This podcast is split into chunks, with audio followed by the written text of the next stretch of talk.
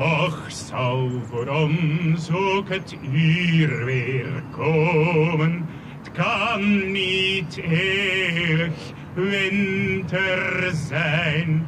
Dan roepen en zingen we in alle tonen. Land van mij, gij zijt weer vrij. Wij zijn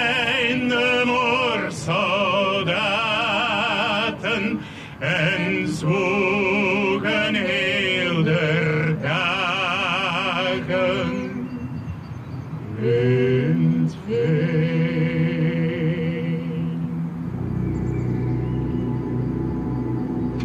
Tijdens de oorlog van 1940-1945 vertrokken 28 transporten met 25.274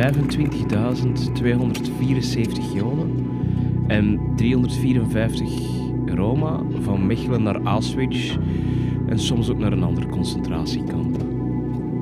4245 van hen waren kinderen onder de 15 jaar. Net geen twee derde van al die gedeporteerden werden in de gaskamers vermoord. Minder dan 5% zou de oorlog uiteindelijk overleven. In geen enkel verzamelkamp lag het uiteindelijke sterftecijfer zo hoog als in Dossin. Die moorddadige deportatie werd mogelijk gemaakt door een uitermate sterk georganiseerde structuur, met in het centrum een kleine groep SS'ers en hun bereidwillige helpers in het verzamelkamp van Mechelen.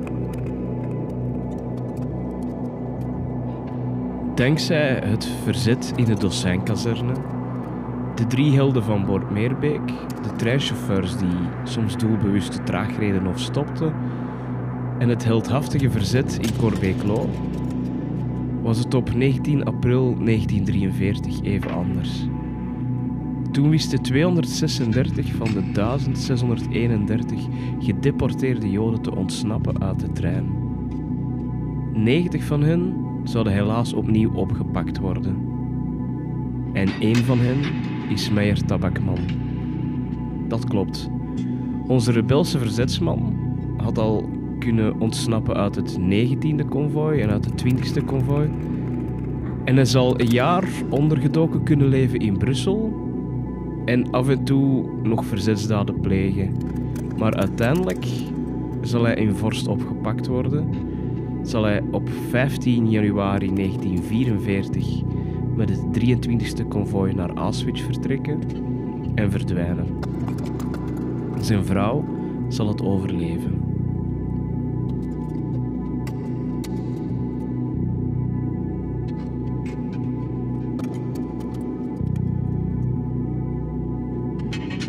Op 20 april 1943 vind je tussen Mechelen en Bierbeek veel lijken op het traject. Doodgeschoten door de Schupo's of tussen het treinstel gesukkeld tijdens hun vluchtpoging. Uiteindelijk zouden nog altijd 1395 Joden in Auschwitz arriveren met het 20e konvooi. 874 onder hen moeten onmiddellijk naar de gaskamers. 521 gedeporteerden worden ten dienste gesteld van het kamp. Dat cijfer is behoorlijk hoog en Mark Michiels vertelt me dat dat hoge cijfer onder andere te wijten is aan een experiment dat op dat ogenblik lopende is. Dus ze komen eraan in Auschwitz. Ja. En er worden iets van meer dan 100 vrouwen apart genomen. De dag daarna, ze, ze worden opgenomen, Ja. in quarantaine. Ze worden direct eh, terug naar het hoofdkamp gestuurd, blok 10. Wil dat nu lukken? Juist als een, de transport 20 aankomt, is er zo'n een, een knuppel, een gynaecoloog, die zegt, oh maar zeg, eh, die doet een aanvraag bij dingen, bij, bij de Gestapo, die zegt, ja, ehm, ik zou graag een experiment doen om ze onvruchtbaar te maken. Ik zoek een goedkope ma- manier om vrouwen onvruchtbaar te maken. Hè? En op, op een eenvoudige manier, niet via een, een operatie, maar Ja, ja. via bestraling. Wel, ik heb nu ook uh, zo'n verslag gehoord van mensen die het overleefd hebben. Uh, het moet verschrikkelijk geweest zijn. Hè? Dus die vrouwen worden daar in blok 10 gezet van het hoofdkamp. Die worden goed gevoed, die worden goed verzorgd. Er zijn sommigen die kinderen hebben, die daar ook uh, mee gaan regelmatig een wandeling doen in de open natuur. Maar goed bewaakt altijd. Hè? Apart gehouden. Hè? Hm? En dan is het zo, de behandeling is zo van radi radiologie, die worden bestraald op hun, op hun eierstokken. Hè? Ja. En dan zitten ze, ah ja, uh, 50 vrouwen. Hè? En ze beginnen zo met een lage dosis, nog een hogere dosis, nog een... Als je dus op het einde van de reis, reis staat, dan zijn ze natuurlijk wel geschokt. Hè? Ja, ja, Want dan krijg je dus de volle laag. En dan ineens, oh ja, dat verbrandt, oh ja, nee, sorry. Uh, zover kunnen we niet gaan. Hè? Tot daar moeten we gaan. Op de volgende keer, ja, we gaan nog eens iets anders proberen. Dus dat zijn guinea pigs, dat zijn dus proefkonijnen. Hè? In mei 1945 zullen 151 Joden van het 20e konvooi de hel van Auschwitz uiteindelijk overleven. Dat is het op één na hoogste getal.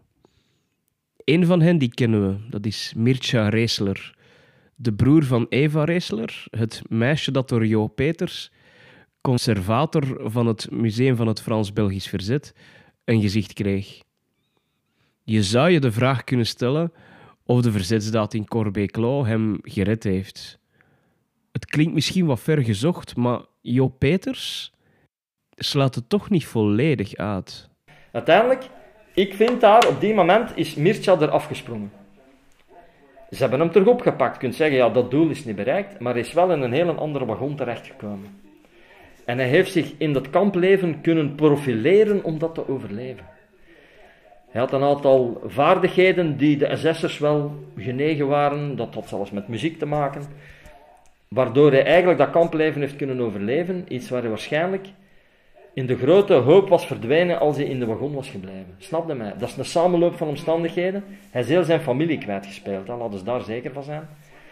Maar ik heb door de getuigenissen en door die familie te leren kennen, heb ik ook geleerd wat een zachtaardige mens dat dat geworden is. Want hij was maar 16 jaar als hij daarop zat. Van de 236 Joden die konden ontsnappen uit het 20e konvooi, zullen uiteindelijk 120 het verhaal na de oorlog nog kunnen vertellen. Veel van hen kiezen ervoor niet te doen.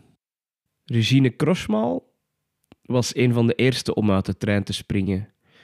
Nog voor de trein stopte in Bortmeerbeek, wist ze al te ontsnappen. Zij zou later getuigen. Er was een huisje van een overwegwachter dichtbij. In dat huisje zit een jongeman. Ik slaap tot bij hem en vertel hem dat ik een Joodse ben, dat ik uit de trein gesprongen ben en dat ik hulp nodig heb. Zonder ook maar iets te antwoorden, legt hij zijn vinger op mijn mond om me duidelijk te maken dat ik moet zwijgen. Hij neemt me bij de arm en brengt me naar een wei achter het station waar een aantal hooimijten staan. Vliegensvlug duwt hij mij in één daarvan en dekt me toe met hooi, waarna hij eilings naar zijn huisje terugrent. Ik hoor de Duitsers met hun honden naderen. Mijn redder heeft hun gemoedelijk te drinken gegeven en verzekert hen dat hij niets verdacht heeft gezien. De Duitsers lijken niet gehaast. Pratend, drinkend, rokend blijven zij er, wat voor mij een eeuwigheid lijkt. Uh, ze blijven er rondhangen tot ze er uiteindelijk vandoor gaan. Als de kust veilig is, haalt de overwegwachter me uit mijn schuilplaats, geeft me het eten en vertelt me dat verderop, een twintig minuten lopen daar vandaan, een halte ligt van de tram die van Haag naar Brussel rijdt. Ik loop tot op de eindhalte van de tram en zo beland ik tenslotte op het Rogierplein van Brussel. Dit zijn de Stille Rebellen. Het verhaal van het 20ste konvooi naar Auschwitz. Een samenwerking tussen mezelf, Davy de Dekker, en de 8 mei-coalitie. Aflevering 5. Het leven in Auschwitz. Het leven in vrijheid. Het leven van Regine zal nog een paar keer aan een zijden draadje hangen. In het Terkamerenbos wordt ze herkend door een Duitse soldaat, waardoor ze in de gevangenis van Sint-Gilles belandt. Wanneer ze op een dag om een voor haar onbekende reden wordt vrijgelaten, zal het maar een paar minuten duren alvorens ze opnieuw opgepakt wordt. En deze keer mag ze nog eens naar de hel van Breendonk. Daar wordt ze verhoord en mishandeld tot bloedens toe. Daarna wordt ze opnieuw naar de Dossijnkazerne gebracht. Maar ze zal uiteindelijk bevrijd worden. Ze zal nog vaak getuigen over haar ervaringen in Dossin en uiteindelijk zal ze pas in 2012 overlijden. In de nacht van 19 april 1943 zijn er ook nog drie jonge mannen uit Bormeerbeek die naar huis moeten raken. En op de fiets zien we Jean-Franc Clement en Robert Mestriot al richting huis aan het gaan. Maar Jura Lifshitz, die het geweer afvuurde, werd tijdens die verzetsdaad bijna opgepakt door twee chuppo's. Hij durfde niet meer terug naar de sporen gaan om zijn fiets te halen en hij heeft dus de hele nacht gewandeld.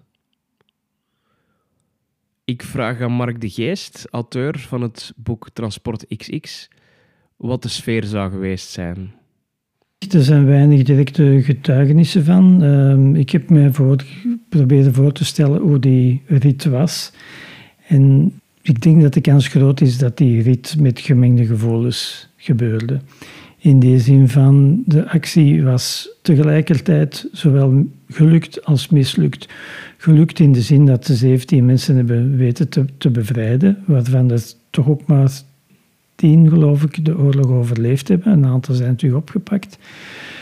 Um, dus in die zin is de actie gelukt, maar ja, in hun wildste dromen hadden ze waarschijnlijk heel die terrein willen laten ontsnappen.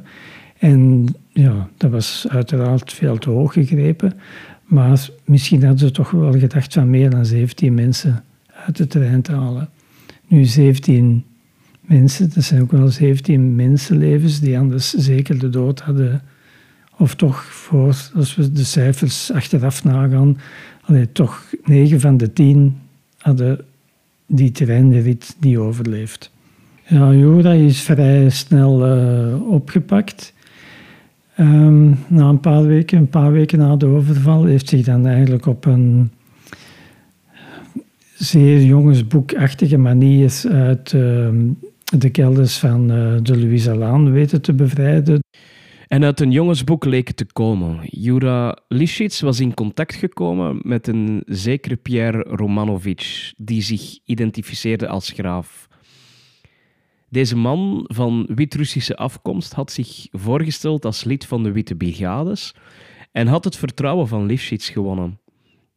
Wat Jura niet wist, was dat Romanovic een spion was van de Gestapo met een stevig uitgewerkt alibi. En Jura werd opgepakt en naar het Gestapo-hoofdkwartier in Brussel gebracht. En daar weet hij één hand los te trekken uit zijn handboeien en hij roept om hulp. Hij ligt in zijn cel en venst een hevige pijn. Hij heeft krampen en smeekt de bewaker om naar het toilet te mogen. Eens in de gang steelt Jura het pistool van de bewaker en slaat het op zijn kop. Hij kleedt de SS-bewaker uit en trekt het kostuum aan. En zo meldt hij zich aan bij een bevriend gezin. Bebloed, één hand geboeid en in SS-uniform. Het verhaal lijkt echt wel uit een stripverhaal te komen. Maar de situatie voor Jura Lifshitz lijkt stilaan uitzichtloos. De Gestapo weet dat hij deel uitmaakt van het verzet en ze weten van zijn aandeel bij de verzetsdaad op het 20ste konvooi. Schalen bij zijn vrienden zou betekenen dat hij hen rechtstreeks in gevaar zou brengen. En ook voor het verzet was hij aangebrand. Dat had dan weer te maken met zijn heldhaftig optreden in het Gestapo-hoofdkwartier. Nu, Hertz Jospa van het Joods Verdedigingscomité, die ooit met het idee voor het 20e konvooi te overvallen begonnen is, hè, die probeert Lifshitz nog te overtuigen om onder te duiken als monnik in een Ardeens klooster. Maar voor Jura Lifshitz was dat uitgesloten. Als hij in België geen verzetsdaden meer kon plegen, dan zou hij het vanuit Engeland doen. En zo zou het ook gebeuren. Hij en zijn broer Alexandre, wiens situatie in België intussen ook al uitzichtloos was geworden, zij beslissen om samen te vluchten naar Engeland. Maar het noodslot slaat toe. Maar het noodlot slaat toe. Hun vluchtroute wordt verraden en de twee worden naar de hel van Breendonk gebracht. Opnieuw folteringen, opnieuw sadistische nazibeulen. In Breendonk komt Jura Jean-Jean Clement opnieuw tegen.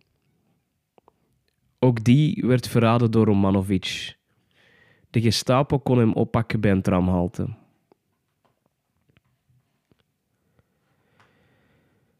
Alexander zou als eerste sterven. Hij krijgt zijn laatste maaltijd en noteert in zijn afscheidsbrief. Sinds twee uur weet ik zeker dat ik morgenochtend om acht uur geëxecuteerd zal worden. Nog één keer de klok laten draaien en ik ben vrij. Ik ben rustig en toen men mij de bevestiging van het vonnis en de afwijzing van mijn gratieverzoek voorlas, gaf ik geen kik. Ik denk zelfs dat de aanwezige heren in de zaal zich schuldig voelden omwille van hun uitspraak. Ik ben helemaal niet gedeprimeerd, misschien een beetje ontroerd. Ik was het ongetwijfeld meer op de dag dat ze me om half acht in de ochtend in mijn cel te Breendon kwamen ophalen en ik niet eens afscheid van Jura kon nemen. Ik kan, zonder te vervallen in stereotypering, zeggen dat ik met opgeheven hoofd naar de executiepaal zal gaan. Zonder spijt, zonder het schuldgevoel dat ik de arrestatie van bepaalde personen zou veroorzaakt hebben, en met het gevoel dat ik mijn best gedaan heb om te vechten voor een beter leven, voor het begin van een nieuwe wereld.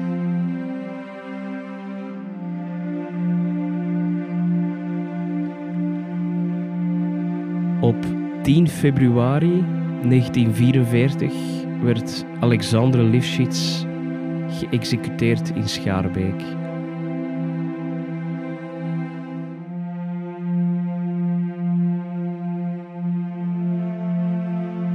Een week na het overlijden van Alexander kreeg ook Juda te horen dat hij zou geëxecuteerd worden. Ook hij schreef een brief aan zijn moeder.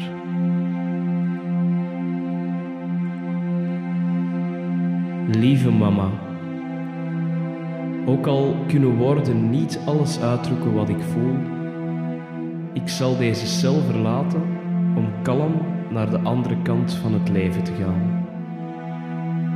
Een kalmte die ook een berusting voor het onvermijdelijke is. Het is nutteloos je te vertellen dat ik spijt heb van alles wat er is gebeurd. Ik heb er veel meer spijt van dat ik er niet meer ben om jij bij je eerste beproeving, die je al achter de rug hebt, bij te staan. Shura. Ik zou er zo graag zijn, zodat wij allebei voor een toekomstige wereld kunnen ijveren. Lieve mama, huil niet te veel als je aan je kleintjes denkt. Mijn leven was tot nu toe vervuld met van alles, maar dan vooral met vergissingen. Ik denk aan al mijn vrienden die in de gevangenis zitten en vragen om vergiffenis. Denk zonder pijn aan mij terug. Ik heb tot het einde goede, uitstekende kameraden gehad en zelfs nu voel ik me niet meer alleen. Ik groet iedereen. Lieve moeder, ik moet afscheid van je nemen. de tijd verstrijkt. Nog één keer, het zijn niet de laatste ogenblikken die het moeilijkste waren. Blijf vol vertrouwen en moed, de tijd heelt alle wonden. Denk eraan dat wij aan het front zijn gestorven. Denk aan al die families, al die moeders, zwaar getroffen door de oorlog. Een oorlog waarvan wij allemaal dachten dat die eerder zou aflopen. Je zoon, die van jou houdt. Jura. Jura Lifshitz werd op 17 februari 1944 geëxecuteerd in Schaarbeek. Hij weigerde om geblinddoekt te worden. Hij vroeg zijn gezicht te richten naar de opkomende zon, een teken van leven.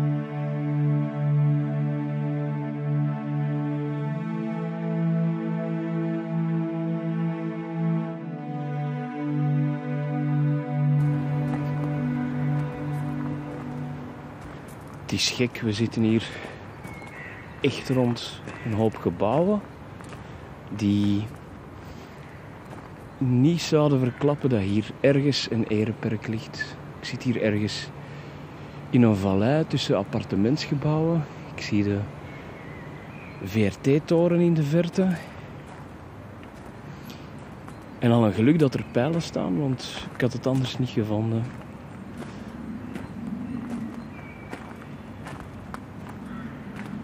Heel veel graven staan geregistreerd als onbekend. Maar ergens gaan we Jura terugvinden.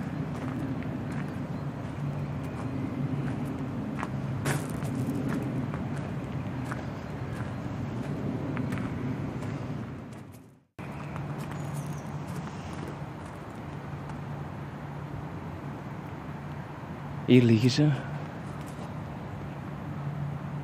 Ergens in het midden. Tussen alle kruisen en jodensterren zien we hier twee gewone grafzerken. Het ene van Jura Lifshitz, of George Lifshitz. En het ander van Alexandre Shura.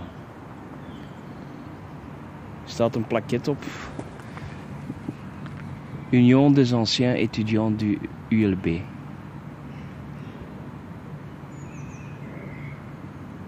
De foto van Jura is helaas beschadigd.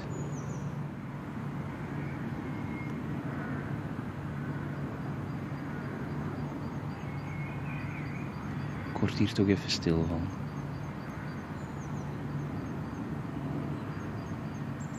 Wie hier ook ligt is Richard Altenhof. De afwezige vierde man die het wapen geleverd had aan Jura Lifshitz. Hij werd op 3 juli 1943 gearresteerd. En ook hij werd door de Wit-Russische zogezegde graaf Romanovich verraden. Hoewel hij niet had deelgenomen aan de overval zelf, werd hem die wel ten laste gelegd. Hij zou op 30 maart 1944 geëxecuteerd worden in Schaarbeek.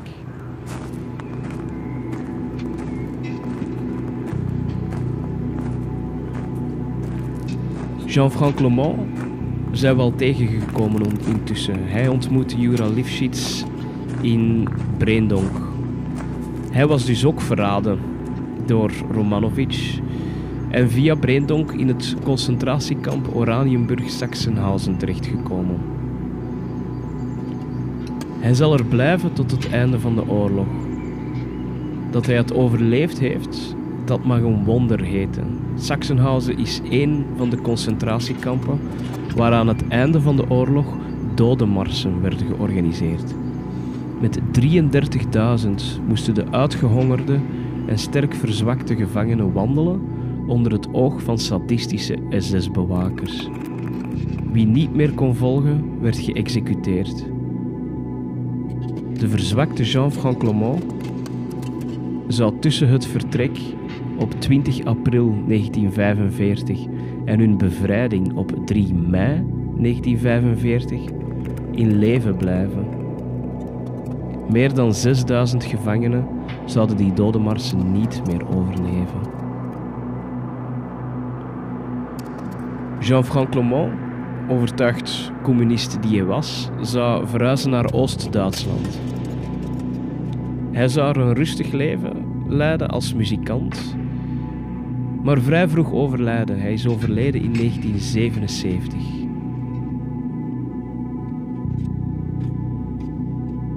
Ook Robert Mestriot werd verraden door Romanovic. Maar hij zou de arrestatiegolf overleven. Mestriot was na de succesvolle actie in Bormeerbeek lid geworden van de groep G. Binnen de leiding van de groep G was hij verantwoordelijk voor organisatie en recrutering. Op het moment van de arrestaties was hij niet thuis. Een buurvrouw waarschuwde hem waardoor hij kon onderduiken in de Ardennen. Uiteindelijk zou hij in maart 1944 alsnog gearresteerd worden.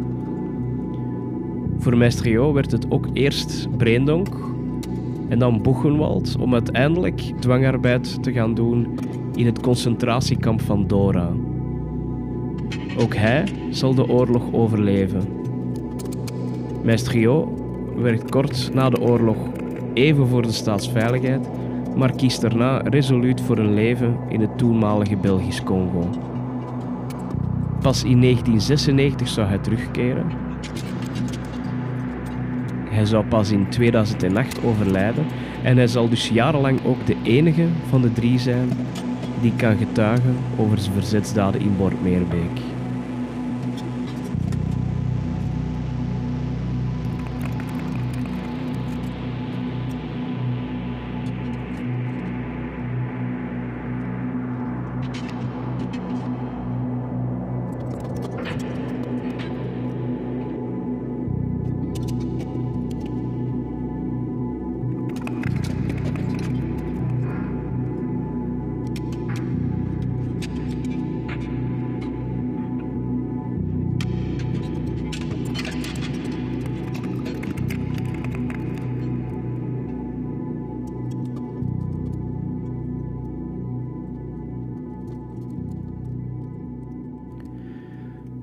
Nu, voor dat allemaal zal gebeuren, moeten we opnieuw naar 19 april 1943. En nu gaan we naar de bossen in Limburg, want daar is de jonge Simon Gronowski nog steeds aan het lopen. U weet misschien nog, hij sprong uit de trein met het idee dat hij samen met zijn moeder zou vluchten maar zijn moeder is niet gesprongen. Net nadat hij uit de trein was gesprongen, stopte de trein. Had zijn moeder op dat moment beslist om alsnog te ontsnappen. Ze was zeker opnieuw in handen van de nazi's gevallen.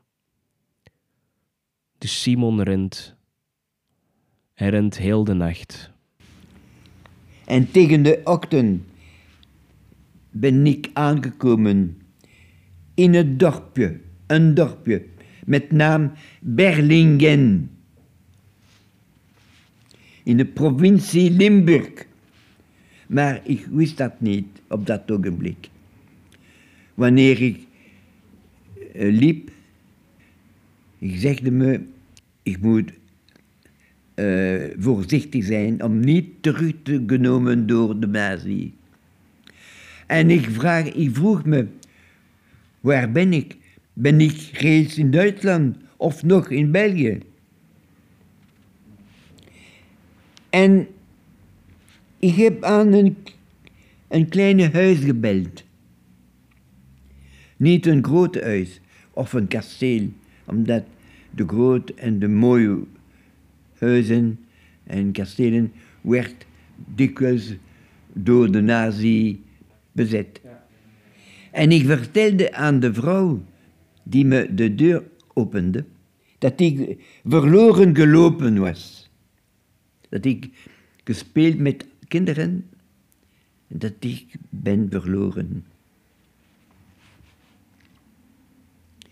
Men heeft toen naar een agent gebracht. Wanneer ik zag deze agent een rijkswachter met zijn uniform en zijn uh, revolver, was ik, had ik een grote bank.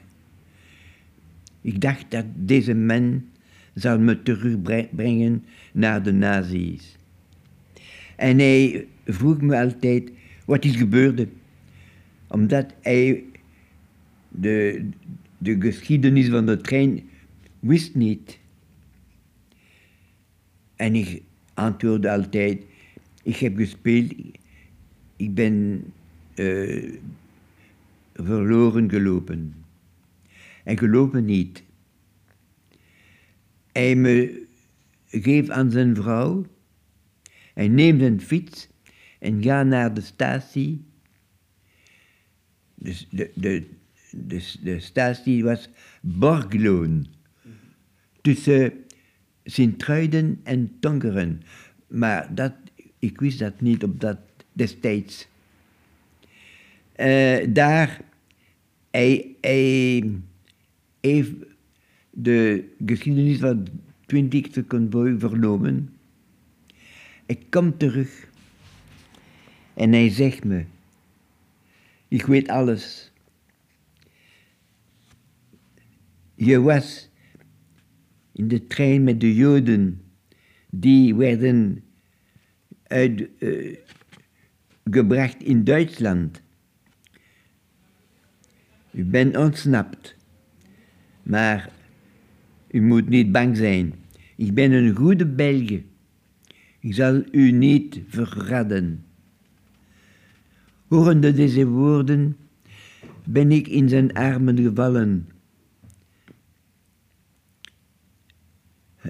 Ik, wenend en hem sprekende over mijn moeder. Zijn vrouw heeft me een bad gegeven, omdat ik was vol met mod. En ik moest, ik, ik wilde teruggaan te Brussel bij mijn vader, maar niet te voet, 80 kilometer, maar met een andere trein. En ik moest normaal gekleed zijn, om niet te bemerkt zijn worden. Dus deze vrouw heeft me de kostuum van een kleine jongen gegeven. En ik heb de, dezelfde dag de trein genomen. Geen controle in de trein.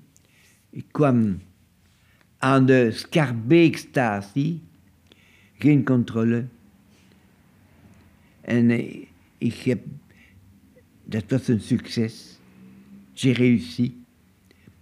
Ik heb de tram, een tram genomen en ik ben geweest bij mijn vrienden, mijn scoutsvrienden van Etterbeek.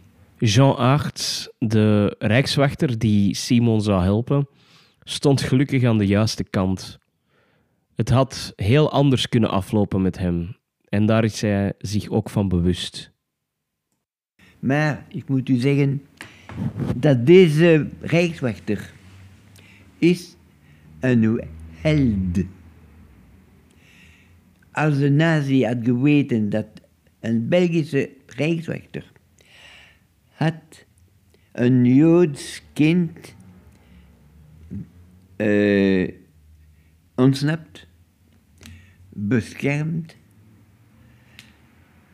de nazi zou zouden hem onmiddellijk fusilleren.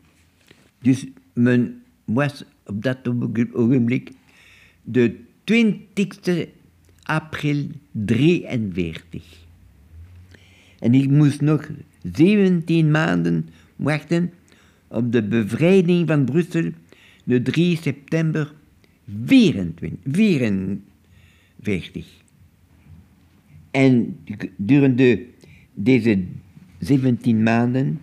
Ik heb geleefd ondergedoken bij verschillende katholieke families. tot de bevrijding. Ze hebben me gehandeld als hun eigen kind en gered. En hier wil ik toch ook even stilstaan. Ik zei het vorige keer al, we gaan soms zo op in die heroïsche verzetsverhalen dat we dit soort verhalen te snel zien passeren. Maar ik kan u verzekeren, een Joods kind opvangen tijdens de Tweede Wereldoorlog was een enorm moedige verzetsdaad. En dat werd niet ongestraft gelaten. Ik had het er nog over tijdens mijn interview met Pieter Sereen, die in aflevering 3 het verhaal van Eva Vastag vertelde. Pieter schreef nog een ander boek. Hij schreef ook de getuigenis van Louis Boekmans. Boekmans was lid van de Witte Brigades en werd pas laat in de oorlog opgepakt. En hij overleefde zowel Breendonk als Boegenwald. In zijn getuigenis van Breendonk kan je het hartverscheurende verhaal van Dirk Sevens lezen. Dirk Sevens was de substituut van de procureur des Konings in Antwerpen. En hij werd opgepakt omdat hij Joodse kinderen hielp onderduiken. En Pieter leest hiervoor uit het boek. Ja, zaterdag 5 augustus was er tegen de avond opnieuw met de sleutels gerammel. Dat deden de bewakers blijkbaar om angst te creëren. We hoorden zware stappen naderen. De deur van onze kamer werd opengegooid en de SS'ers duwden een onbekende man naar binnen. Zijn gezicht was onherkenbaar, helemaal bebloed en kapotgeslagen. De kameroverste, Louis Verheijen, knielde naast hem neer en trok de kleding van die man open. Wat ik toen zag, vergeet ik nooit. Geen enkel plekje op zijn lichaam was ongeschonden. Ik merkte tientallen zwarte punten op van de elektrische naalden waarmee ze hem hadden gefolterd. Hij, had onder de striemen en, hij zat onder de striemen en onder het bloed. Hij had gewoon geen gezicht meer. Dat was helemaal geschonden. Zijn lichaam was blauw en rood. Overal had hij brandwonden. Ik stond er op geen meter afstand van die man. Nooit heb ik nog een mens gezien die zo gefolterd was. Heb ik nooit verteld, nog nooit. Maar toen Louis ook de broek van de man uitdeed, zijn geslachtdelen waren volledig verminkt. Het was niet om aan te zien. Louis vroeg zijn naam, maar hij kon niet meer spreken. Daarop bracht hij de arme man naar het onderste beddenbak. Op 6 augustus moesten we niet werken omdat het zondag was en de zwaar gekwetste man kon even bekomen. Hij kon eindelijk zijn naam en beroep zeggen. Zijn naam was Dirk Sevens en hij was substituut van de Antwerpse procureur des. Hij was aangehouden omdat hij Joodse kinderen hielp onderduiken. Ook Marion Schreiber, auteur van het boek Stille Rebellen, dat de inspiratie was voor deze podcast, wist dit. Meer zelfs, ze onthult in haar boek wie volgens haar de stille rebellen zijn. En Mark Michiels benadrukt het ook nog eens tijdens zijn laatste interview. Er was enorm veel rebellie. Maar wie was er eh, betrokken bij die rebellie? Volgens Marion Schrijver zijn het feitelijk de gewone mensen die gewoon een kindje geadopteerd hebben of een kindje opgenomen hebben of een familie hebben opgenomen, dat feitelijk de, de stille rebellen zijn. Die hebben dus uh, uh, fantastisch gedaan, want je moet bedenken, met, met dat voedselbonnen, het was gerantioneerd, mm maar moest wel die mensen ook eten geven als je ze binnentrok. Ja. Wanneer Simon Gronowski vertelt dat hij opgevangen werd door katholieke gastgezinnen, wil dat dus zeggen dat hij opgevangen werd door verzetshelden. Intussen correspondeert hij met zijn vader, die op dat ogenblik ook nog in leven is. Mijn vader zat ondergedoken ergens anders. We schreven naar elkaar. En ik heb hem een keer of twee of drie kunnen zien eh, gedurende deze 17 maanden. Maar helaas, in die 17 maanden heeft Hitler ook alle Belgen gedeporteerd. Dus mijn zus ook. Ze zat op de 19e september 43 op het konvooi nummer 22. Mijn vader is op 9 juli 45 overleden. En ik bleef alleen.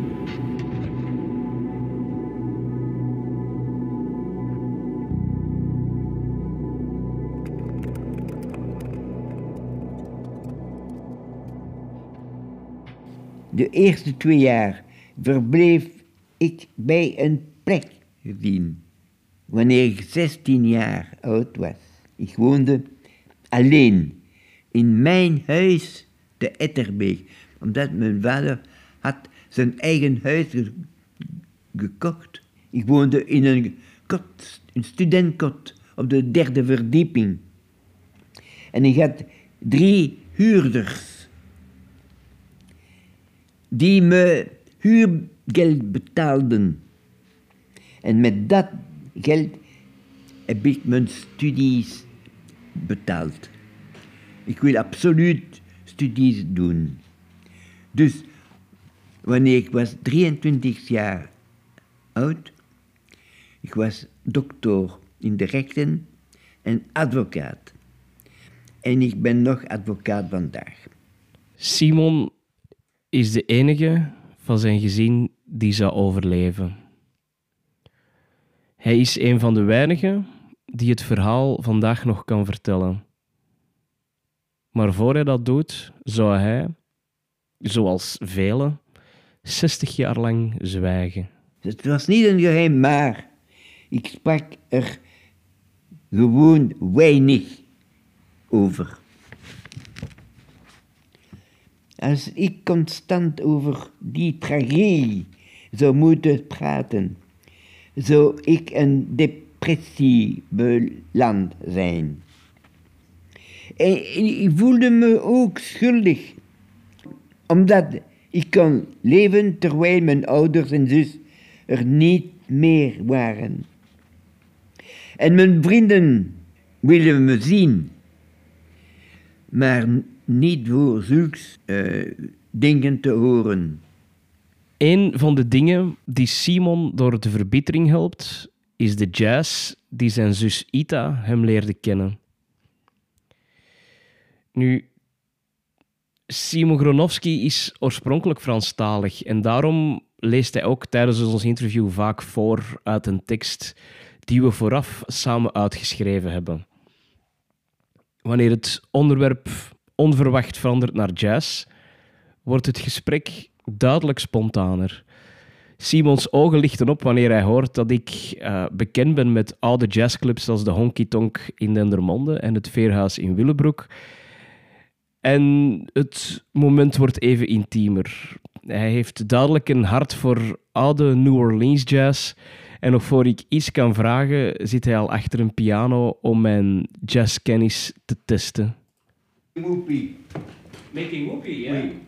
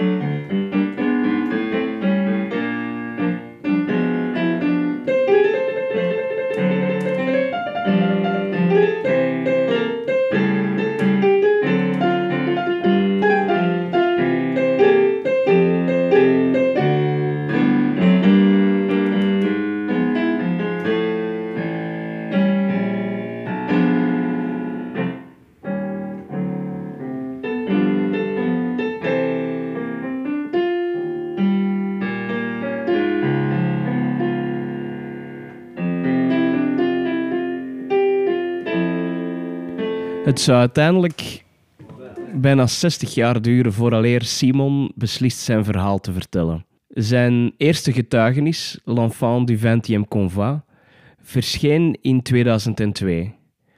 Vorig jaar verscheen een geredigeerde druk. Eens hij het verhaal verteld had, luisterde de wereld mee.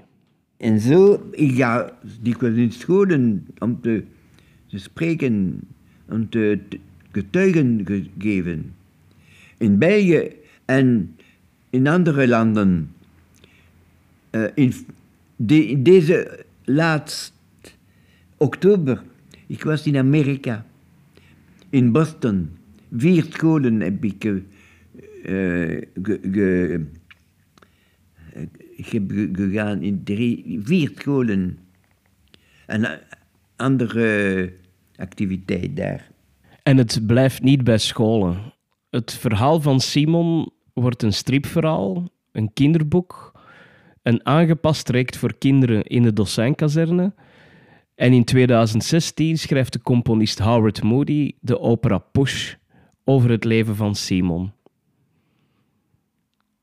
Maar het verhaal van Simon stopt ook niet in 1945. In 2012, na een van zijn vele lezingen, ontstaat een hechte vriendschap met beeldhouwer en illustrator Koenraad Tinel. En dus heb ik in 2012 Konrad Tinel ontmoet. Konrad Tinel was zes jaar toen de nazi's in België binnenvielen. Zijn ouders waren collaborateurs van de nazi uit het Gentse. Toen ik, heb, zag, ik hem zag, Konrad, zei hij me, Simon, toen ik je verhaal las, heb ik geweend. Ik heb hem geantwoord, de, de kinderen van de nazi's zijn niet schuldig.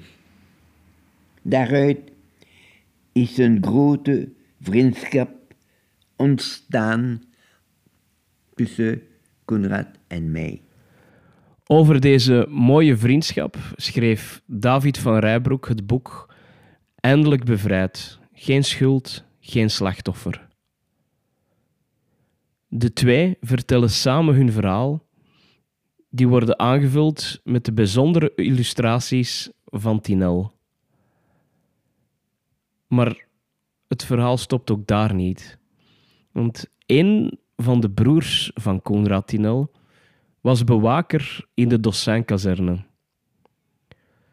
De kans bestaat dus dat de broer van Konrad Tinel Simon daadwerkelijk ook op de trein gezet had. En in 2013 krijgt Simon een heel opmerkelijke vraag.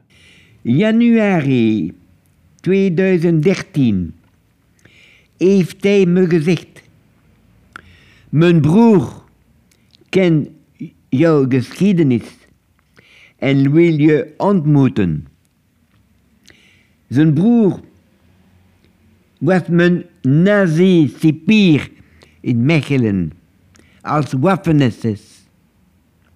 En hij heeft me met de punt van zijn geweer naar de wagon van de dood gebracht. Als ook mijn moeder en mijn zuster. Zijn verzoek betekent dat hij spijt heeft van wat hij heeft gedaan en dat hij mij om vergeving vroeg. En ik heb hem ontmoet.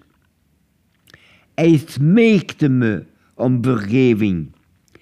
En ik heb hem in mijn armen genomen en ik heb hem vergeven. Dat jongetje van 11 jaar. Zijn moeder en zus, waar hij naar opkeek, stierven in Auschwitz. Zijn vader stierf van verdriet. Dat ventje dat in die heldere nacht van 19 op 20 april 1943 onophoudelijk liep en zich schuil moest houden.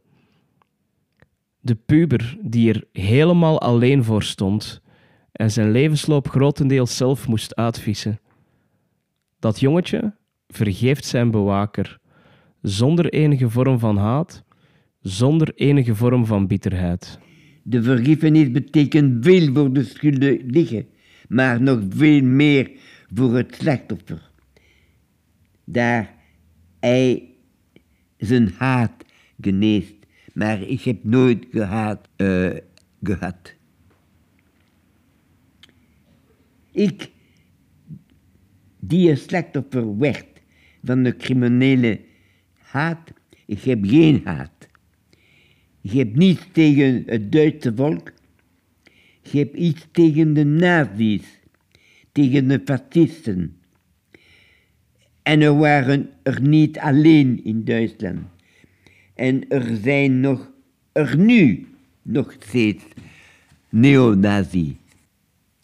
Ondanks alles blijf ik in de toekomst geloven, omdat ik overtuigd ben van de goedheid van de mens. Hoe kan ik dan daaraan twijfelen? Als de Jean Arts zijn leven riskeerde om me te redden. Als de nazi's geweten hadden dat een gendarme een Joods kind op de vlucht had geholpen, zou hij onmiddellijk gefusilleerd worden. Hetzelfde met de katholieke families die behandeld hadden, alsof ik hun eigen kind was en me helpen onderduiken met alle risico's van dien.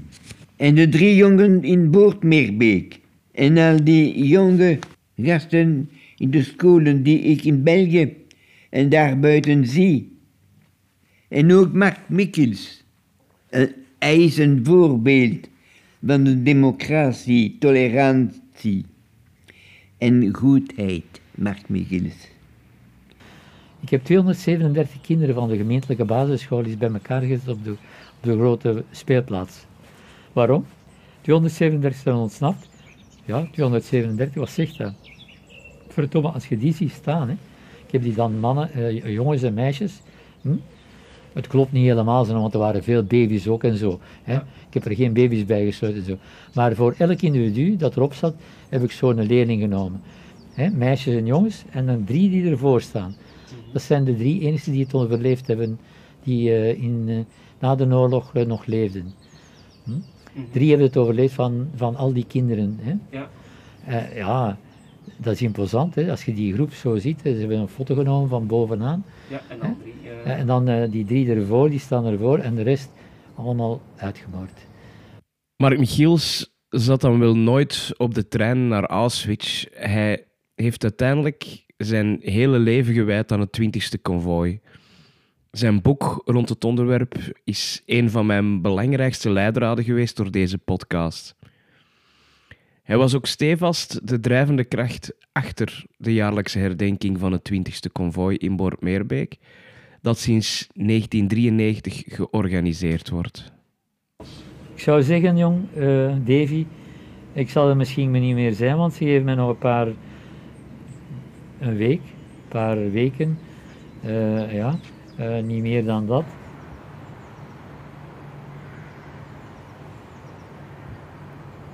Ik ben uiteindelijk nog één keer teruggereden naar Schaarbeek.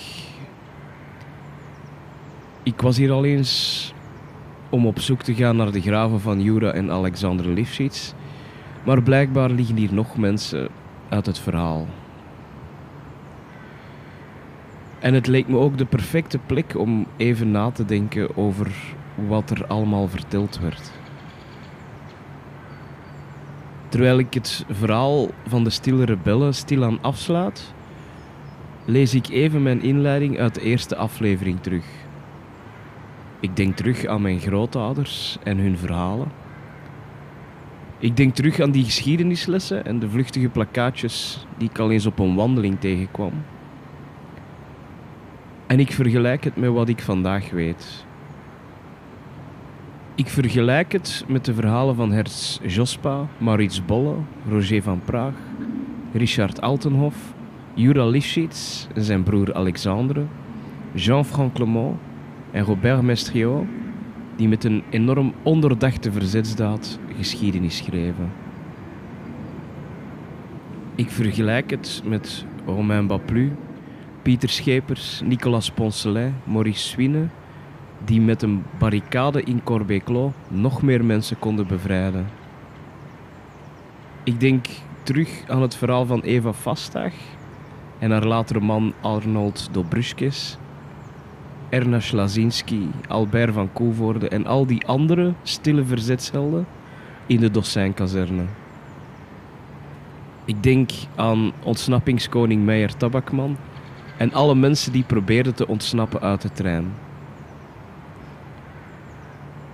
Ik denk ook aan Jean de Célie Longchamp en zijn afscheidsbrief, waarin hij de wens uit dat zijn dood op zijn minst nuttig moet zijn.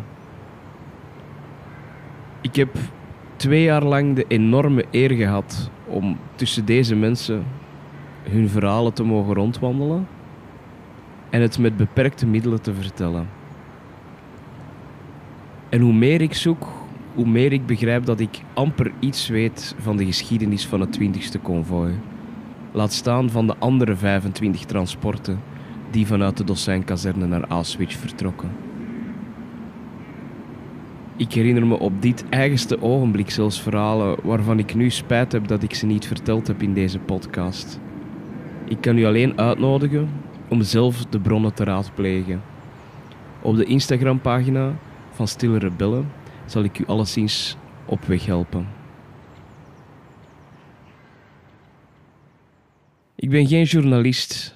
Ik ben geen historicus. Ik ben gewoon een mens die iets te impulsief was en dan maar een podcast begonnen is en ergens een manier gevonden heeft om het uiteindelijk af te werken. Mensen als Mark Michiels, Mark de Geest, Pieter Serien, Jo Peters en zoveel meer hebben hun leven gewijd aan deze verhalen. En ik kan vandaag heel goed begrijpen waarom. Was het nu de moeite waard om nog eens een verhaal over de oorlog te vertellen? Ik vond van wel. Ik ben begonnen met mijn grootouders die me opgevoed hadden met het verhaal van een duistere bezetting die hals over kop werd bevrijd door de geallieerde troepen. En dit verhaal toont toch dat het allemaal niet zo zwart-wit was. Hoe meer verzetsverhalen ik lees, hoe meer ik onder de indruk ben van het aantal mensen die in zo'n duistere passage van onze geschiedenis er toch voor kozen om hun leven te riskeren en een bewuste keuze te maken tegen de haat van het fascisme. Tegen de haat aan zich eigenlijk. Ik bedoel, als zelfs iemand als Simon Gronowski, die uiteindelijk zoveel afgenomen geweest is, keer op keer zoveel hoopvolle taal kan spreken, wie zijn wij dan om cynisch te zijn? Ik, ik breng nu voor u vandaag een boodschap van verdriet, maar een boodschap van hoop en geluk. Omdat het leven is mooi, maar het is ook een strijd van elke dag. En ondanks de tragische evenementen van gisteren en deze van vandaag. Want vandaag zijn er nog in de wereld steeds mensen die lijden, volkeren die lijden. Behoud ik mijn vertrouwen in de toekomst, daar ik geloof in de menselijke goedheid. En jullie uitnodiging, mevrouw de burgemeester. Jullie onthaal verstikt mijn vertrouwen. Leven de vrede en de vriendschap onder de mensen.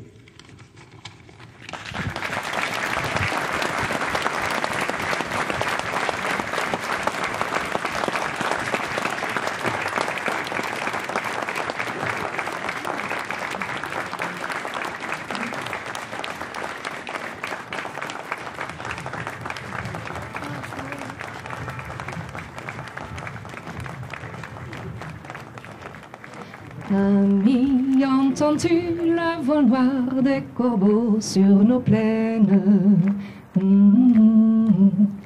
Ami, entends-tu les cris sourds des pays qu'on enchaîne?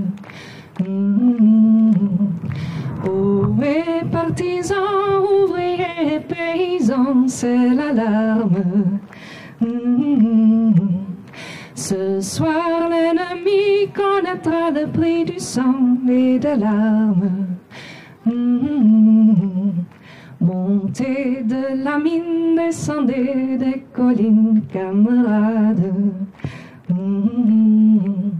Sortez de la paille, la fusil, les mitrailles, les grenades. Mm. Oh, et les tueurs à la balle et au couteau, tuez vite. Mm. Oh, et saboteur, attention à ton fardeau, dynamite.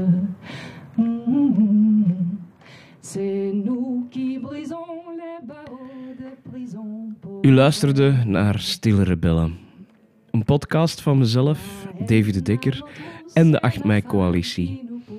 Een podcast die onmogelijk kon bestaan zonder Mark Michiels, die me in zijn laatste uren wat tijd gunde.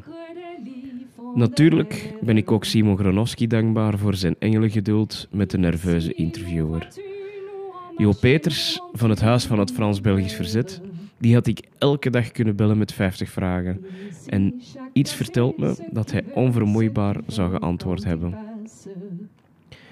Ik ben ook Mark de Geest dankbaar, die de roman Transport XX schreef en me de structuur in het verhaal gaf die ik soms nodig had. En wat te zeggen van Pieter Serien, biograaf van Eva Vastag en Louis Boekmans en waarschijnlijk de meest enthousiaste persoon die ik ooit heb geïnterviewd. Maar ook achter de schermen ben ik heel veel mensen dankbaar. Danica Leer, auteur van meerdere boeken over het verzet, die me enorm veel achtergrondinformatie gegeven heeft. In die categorie vinden we ook Laurence Gram van de Dossijnkazerne en Daniel Wessel van de Stichting Auschwitz. De 8 mei-coalitie, Ellen de Soete, Rudy Kennis, Danica Leer en Stijn van Riel ben ik enorm dankbaar. De muziek, en daar ben ik toch wat trots op, heb ik grotendeels zelf gemaakt. Toch hoorde u in aflevering 4 het nummer Stille Rebellen van de Belgisch-Canadese punkgroep Impotentie. Wat een naam ook. Eh, en dat nummer werd gebruikt met toestemming van zanger Spoiler. In deze aflevering hoorde u ook Tristan Faas en Nele van Parijs, die hun versie van Moorsoldaten en Les Chants des Partisans brachten. Tot slot wil ik u bedanken om hier naar te luisteren. Het is tenslotte dat wat dit alles de moeite waard maakt. Ik hoop dat het verhaal u kan inspireren. Misschien wou u een bepaald verhaal uitgediept zien, of blijft u nog wat op uw honger zitten met een ander verhaal. Ik nodig u uit op de Instagram-pagina van Stille Rebellen, waar ik zal proberen meer duiding te geven. Dank u wel.